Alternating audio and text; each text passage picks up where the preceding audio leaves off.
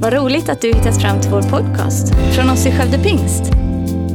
Vår bön är att den ska hjälpa dig förstå mer om vem Gud är, bygga din relation med honom och ge praktiska verktyg för ditt liv.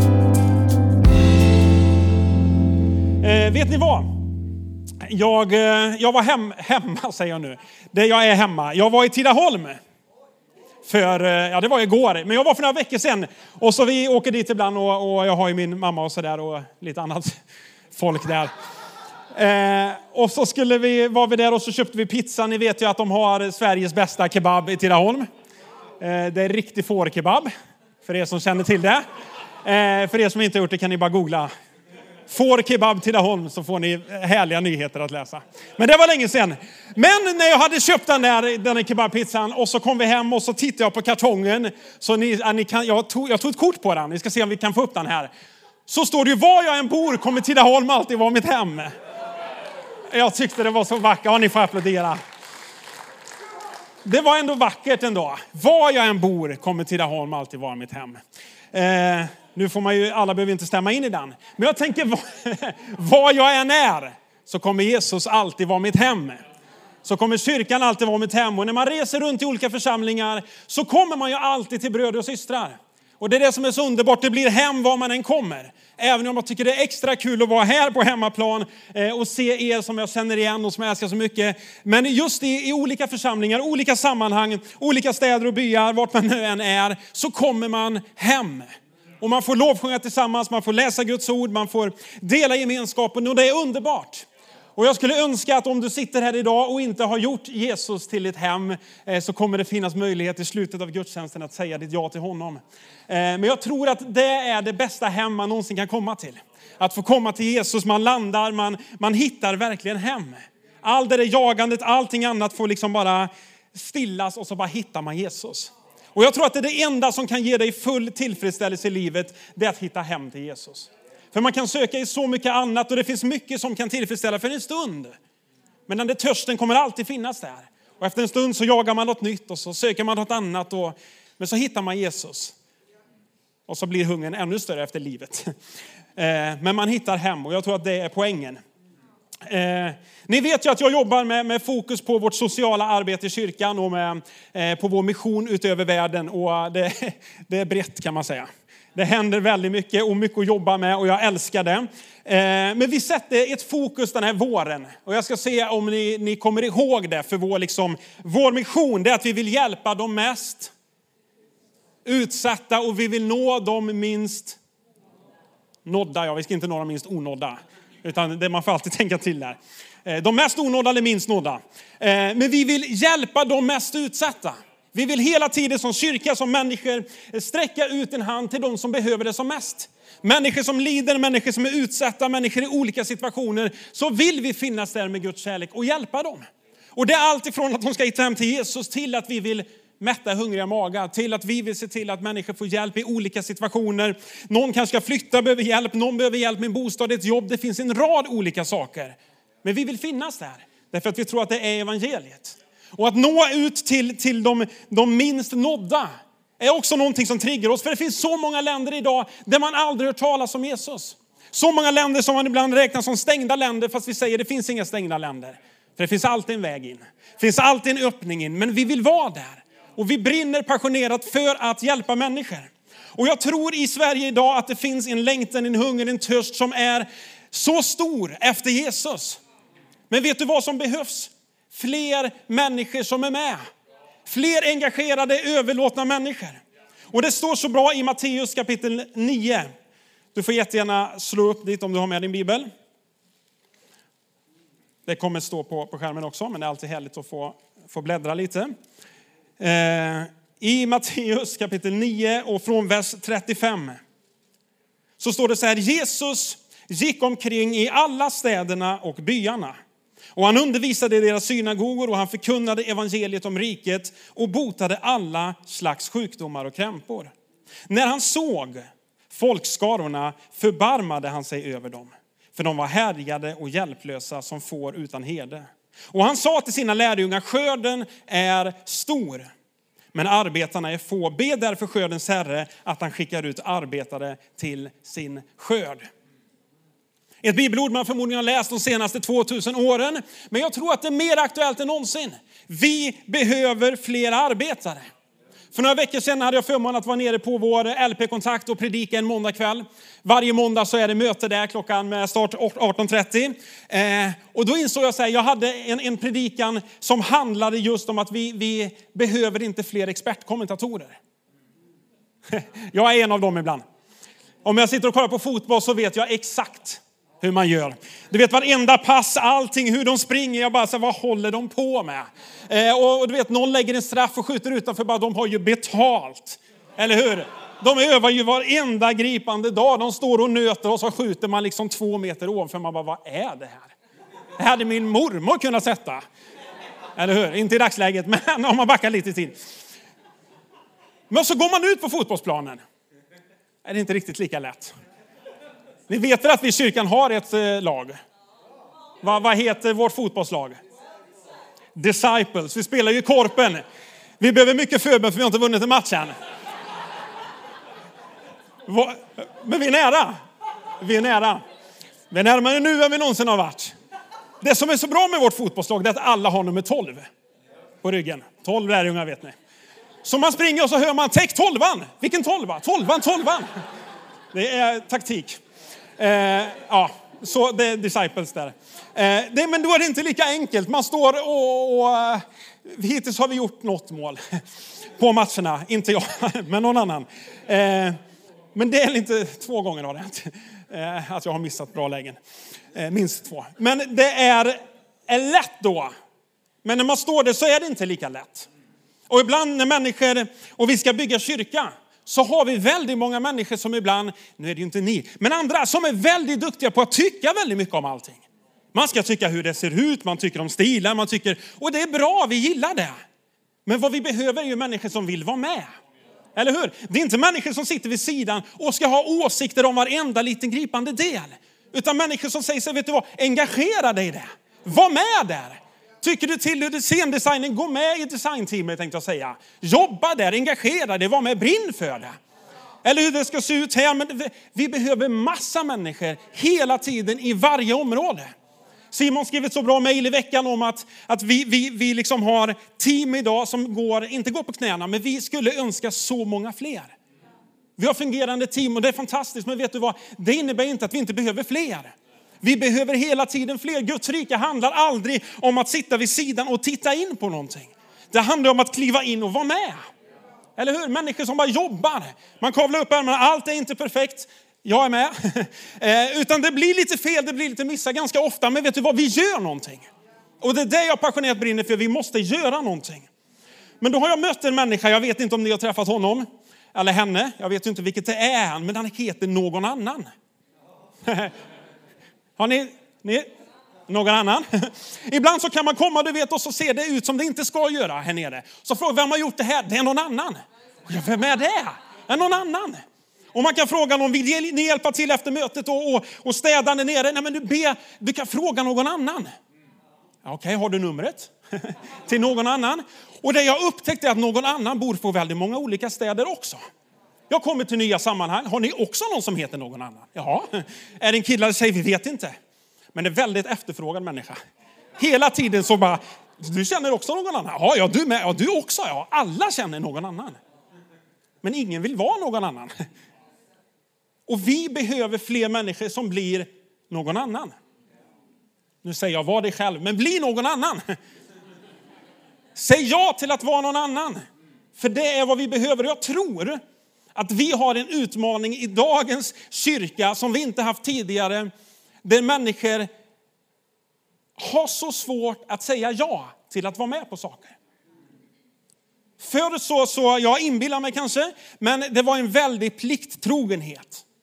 Man överlät sig till någonting, det fick kosta någonting, man sa nej till andra saker och man stod fast i en och samma sak vecka ut och vecka in. Idag så frågar man sig, vill du vara med? Nej, fråga kan du tänka, ja men du vet du vad, jag vill inte stå på schema, men sätt mig gärna på reservlistan. Ja, men vi har redan 50 på reservlistan. Kan ingen stå på den vanliga listan någon gång?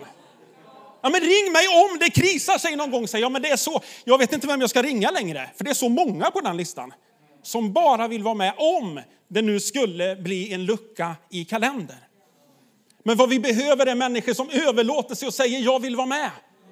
Jag kan tänka mig, kanske inte kan vara med varje vecka, varannan vecka, var tredje vecka, men vi behöver fler arbetare. Ta lite. Ni behöver inte vara oroliga för att jag skakar så, utan det är likadant varenda gång.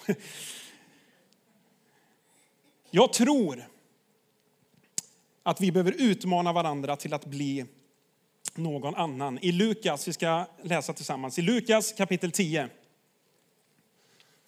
Eh, så ska vi läsa en berättelse. Jag ska, först, för det är en laglärd man som kommer fram till Jesus och frågar vad han ska göra för att få evigt liv. Eh, och Jesus säger och frågar vad är det skrivet i lagen? Hur läser du där? Och han svarar att du ska älska Herren din Gud av hela ditt hjärta, av hela din själ, av hela din kraft, av hela ditt förstånd och din nästa som dig själv. Och då svarar Jesus så här, du svarar rätt, gör det så får du leva. Och då ville eh, mannen rättfärdiga sig och frågade Jesus, vem är då min nästa? Och så kommer vi in i den här berättelsen, lite bakgrunden där. I Lukas kapitel 10 och från vers 30 så säger Jesus så här, en man var på väg från Jerusalem ner till Jeriko och råkade ut för rövare. De slet av honom kläderna och misshandlade honom och sedan försvann de och lämnade honom där halvdöd. Om man bara ställer sig in i situationen, en man är på väg eh, och så på, på den här resan så möter han ut med människor som, som tar det han har. De sliter av honom kläderna, de rånar honom fullständigt, de misshandlar honom, de lämnar honom liggande där, förmodligen blodig, naken, jag vet inte, han ligger där. Och så åker de sin väg. Och så står det, en präst råkade komma ner samma väg och när han fick se mannen gick han förbi. Jag vet inte, men förmodligen så tänkte prästen, någon någon annan kanske kan hjälpa till. Någon annan kanske kan vara den som tar hand om honom, som bryr sig, för jag har fullt upp med min församling. Jag är på väg till bönemöte nu, eller jag ska predika, eller vi ska åka och göra det här. Men man har inte tid med att hjälpa den sårade människan. Man har inte tid att göra det Gud egentligen kallade oss till, att vara barmhärtiga mot andra människor. Och det är så lätt att vi hamnar i det där, jag gör det också, man är så upptagen med en massa verksamhet hela tiden att man missar kärnan i evangeliet. Älska Gud och älska din nästa. Bry dig om dem, ta hand om dem, älska dem, gör någonting. Men prästen såg mannen. Det var inte det att han missade honom, det står att han såg mannen. Men ändå gick han förbi.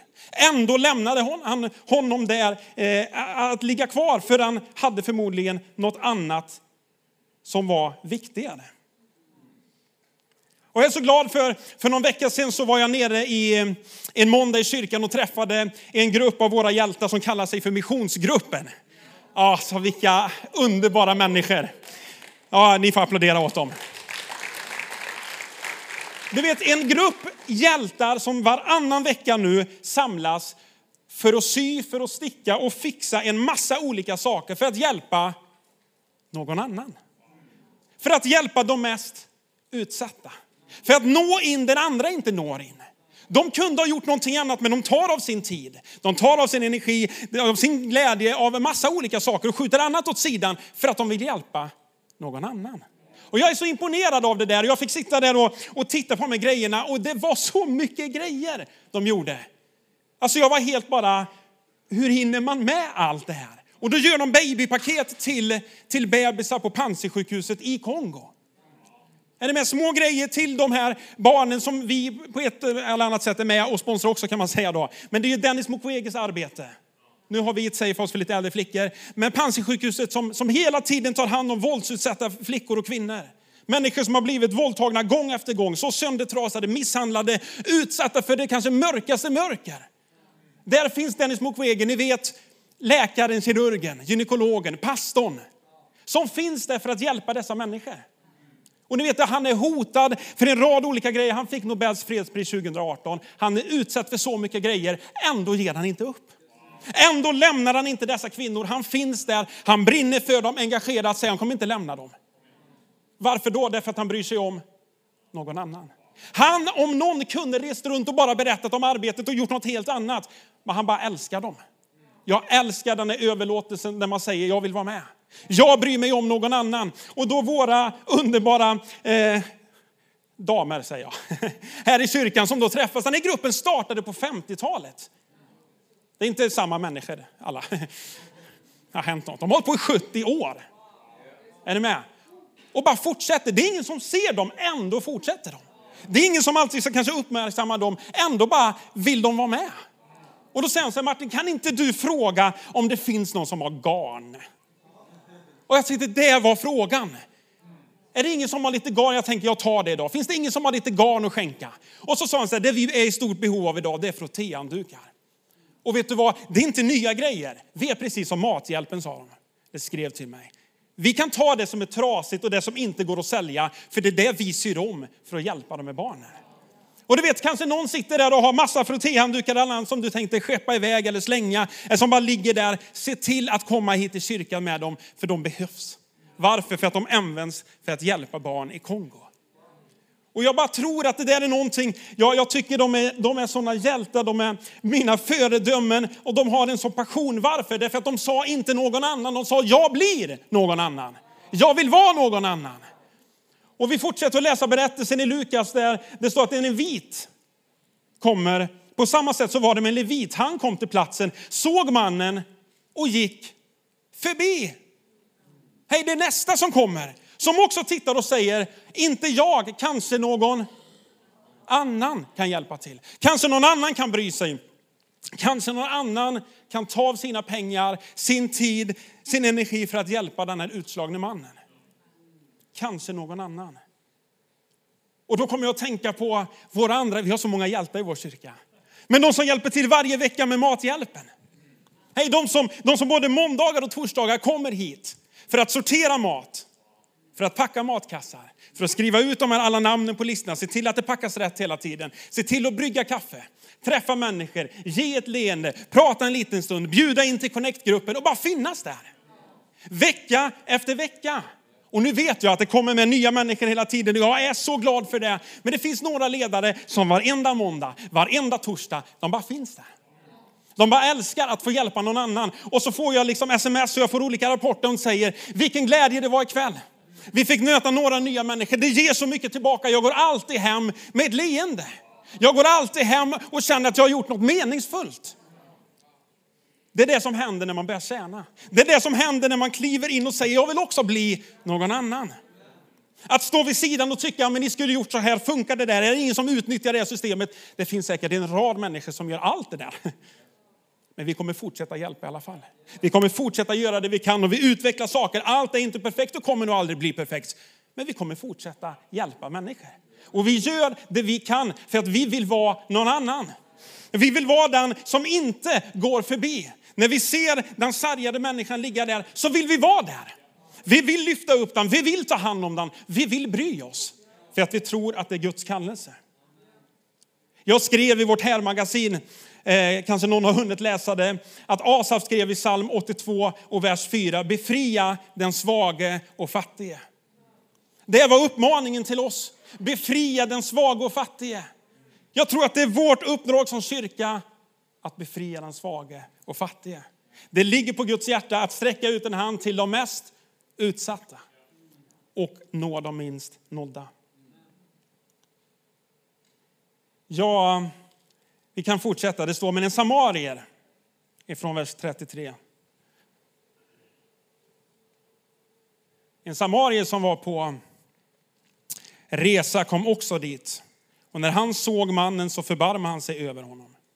Han gick fram och hällde olja och vin i hans sår och förband dem. Sedan lyfte han upp honom på sin åsna, tog honom till ett värdshus och skötte om honom. Nästa dag så tog han fram två denarer och gav till värdshusvärden och sade, sköt om honom och kostade mer ska jag betala när jag kommer tillbaka. Vem av dessa tre tycker du var nästa för mannen som råkade ut för rövare? Han svarade, den som visade barmhärtighet mot honom. Då sa Jesus till honom, gå du och gör som han. Jesus sa, gå du och gör som han. Gör på samma sätt. Han sa inte vad som leviten som går förbi. Han sa inte vad som prästen som ser de sårade och sargade människorna och går förbi. Nej, han sa, gör du som han. Och då kan man tänka ibland, de här Samarien, vilka var samarierna? Jag ska inte gå in på hela det, men det var ju liksom en, en, en, en blandreligion. Hur judarna hade gift sig med andra folk som tillbad andra gudar. Och de var avskyvärda. Man såg ner på samarierna. Men det var den människan som hjälpte. Det var den människan som hade ett hjärta som tog hand om sin nästa.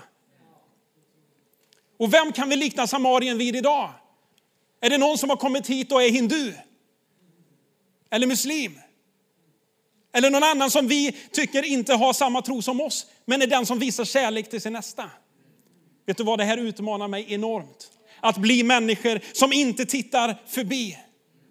Utan som tar evangeliet på allvar. För den här mannen som kom fram och frågade Jesus, sa, vad ska jag göra för att få evigt liv? Det är ju det hela frågan utgår ifrån. Vad ska jag göra för att få evigt liv? Gå du och gör som han. Det var vägen till att få evigt liv. Vad då Att älska Gud och älska sin nästa.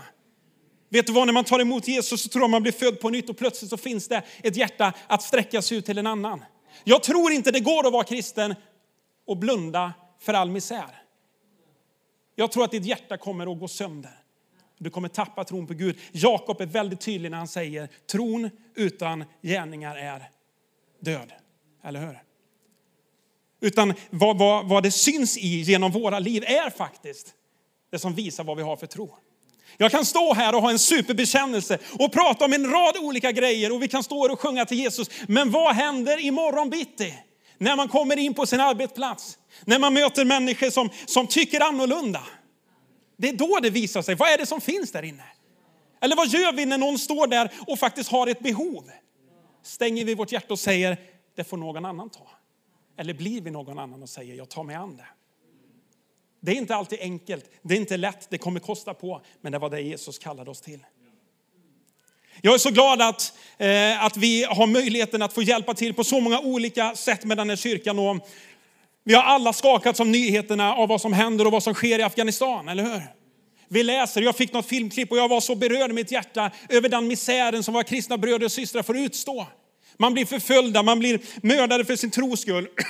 Och mitt i allt det där sa vi, vi kan inte titta förbi, vi måste göra någonting.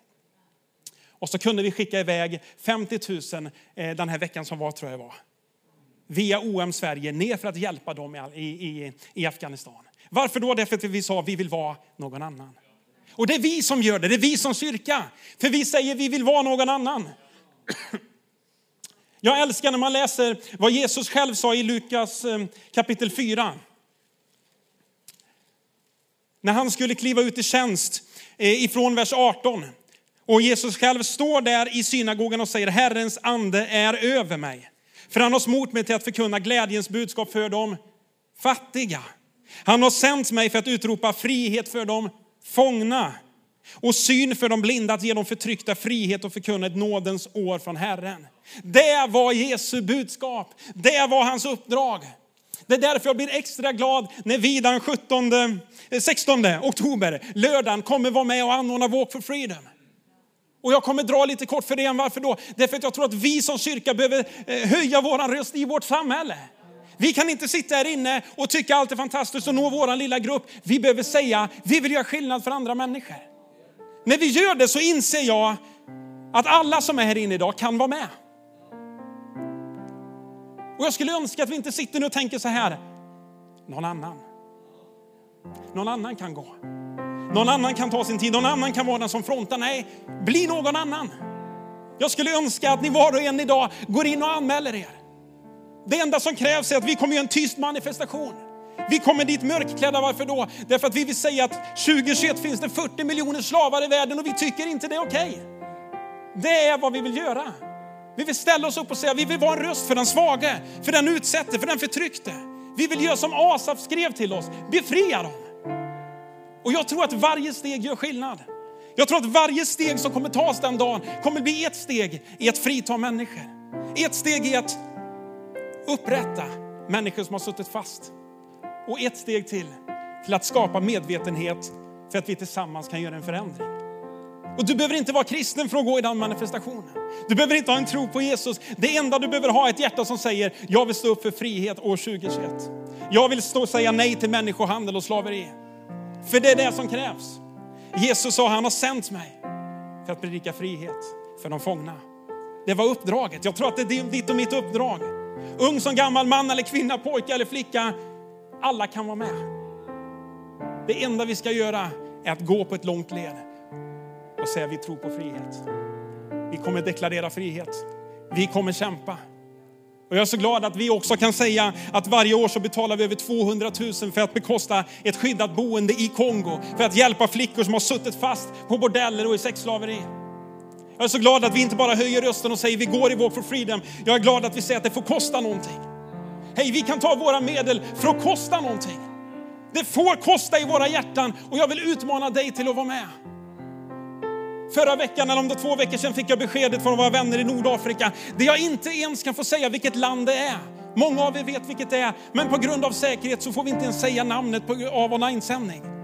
Men i detta nordafrikanska land så, så är en av våra vänner dömda till ett års villkorligt fängelse. En av dem sitter inne i fem år för att ha stört islam. Men vet du vad? De säger inte någon annan. De säger vi fortsätter.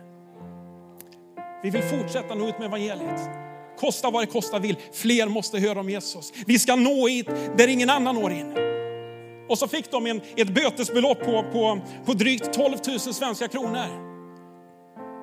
Vet du vad jag tog med friheten och skickade ett sms och skrev vi betalade. Varför? För att det får kosta någonting. Vet du vad, när vi gör Hjärta för huset i år den 24 oktober så är det en av sakerna som kommer rymmas i levande stenar. Därför att vi kommer hjälpa våra ledare där nere. Vi kommer betala det, vi kommer säga fortsätt. Vi står bakom er. Vi betalar det, men vi kommer be. Vi ska göra vad vi kan för att evangeliet får fortsätta bryta ny mark i detta land. Varför? Därför att det ligger på våra hjärtan. Jag fick rapport bara för i veckan som var här, hur det teamet som var inne i Syrien för, för en månad sedan ungefär.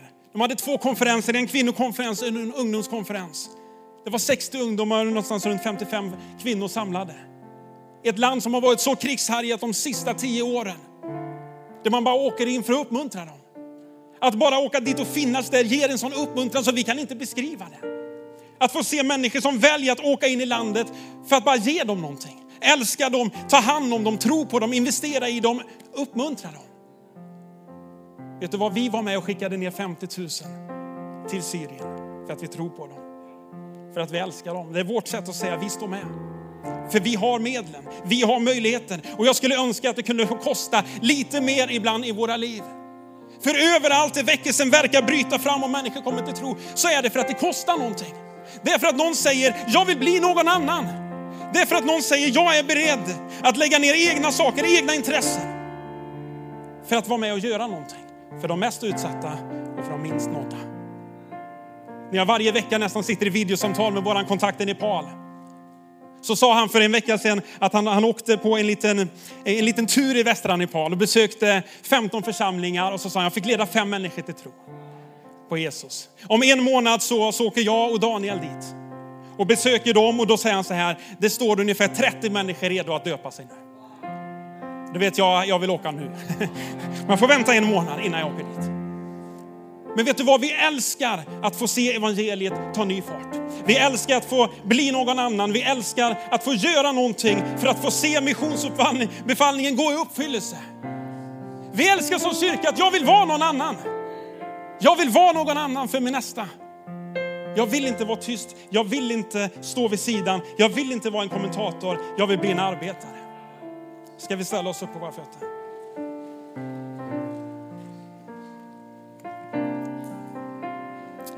När jag satt och förberedde det så, så utmanade jag mig själv hela tiden. För det är så lätt och det finns så många saker man ibland vill göra. Men vet du vad, att vara en arbetare i Guds rike kostar på ibland. Ibland får man lägga andra saker åt sidan, men att få hjälpa en annan människa ger sån enorm tillfredsställelse. Det ger sån lycka på insidan, sån glädje som inte går att jämföra med någonting annat. Låt oss tillsammans bli människor som blir någon annan. Som inte ser den utslagne och går förbi. Som inte tittar där, men man har inte den där energin eller glädjen. Utan låt oss bli de som stannar. Som säger, kostar det mer så betalar jag mer. Jag tänker bära den människan till närmsta ställe för att ta hand om den. För att älska den, för att hjälpa den. För jag tror det ligger på Guds hjärta. Tack för att du lyssnat. Dela gärna podden med dina vänner och glöm inte att prenumerera så du inte missar nästa predikan. Om du har några frågor eller vill att vi ska be eller tacka för något tillsammans med dig så får du gärna höra av dig till kyrkan skövdepingst.se. För oss är veckans höjdpunkt söndagens gudstjänst och det vore så kul att träffa dig där. Våra team finns då redo att ta emot dig och det finns även egna samlingar för barnen. Du hittar mer information om oss, vilka vi är och våra olika mötesplatser på skövdepingst.se. Gud välsigne dig och ha en fortsatt bra vecka.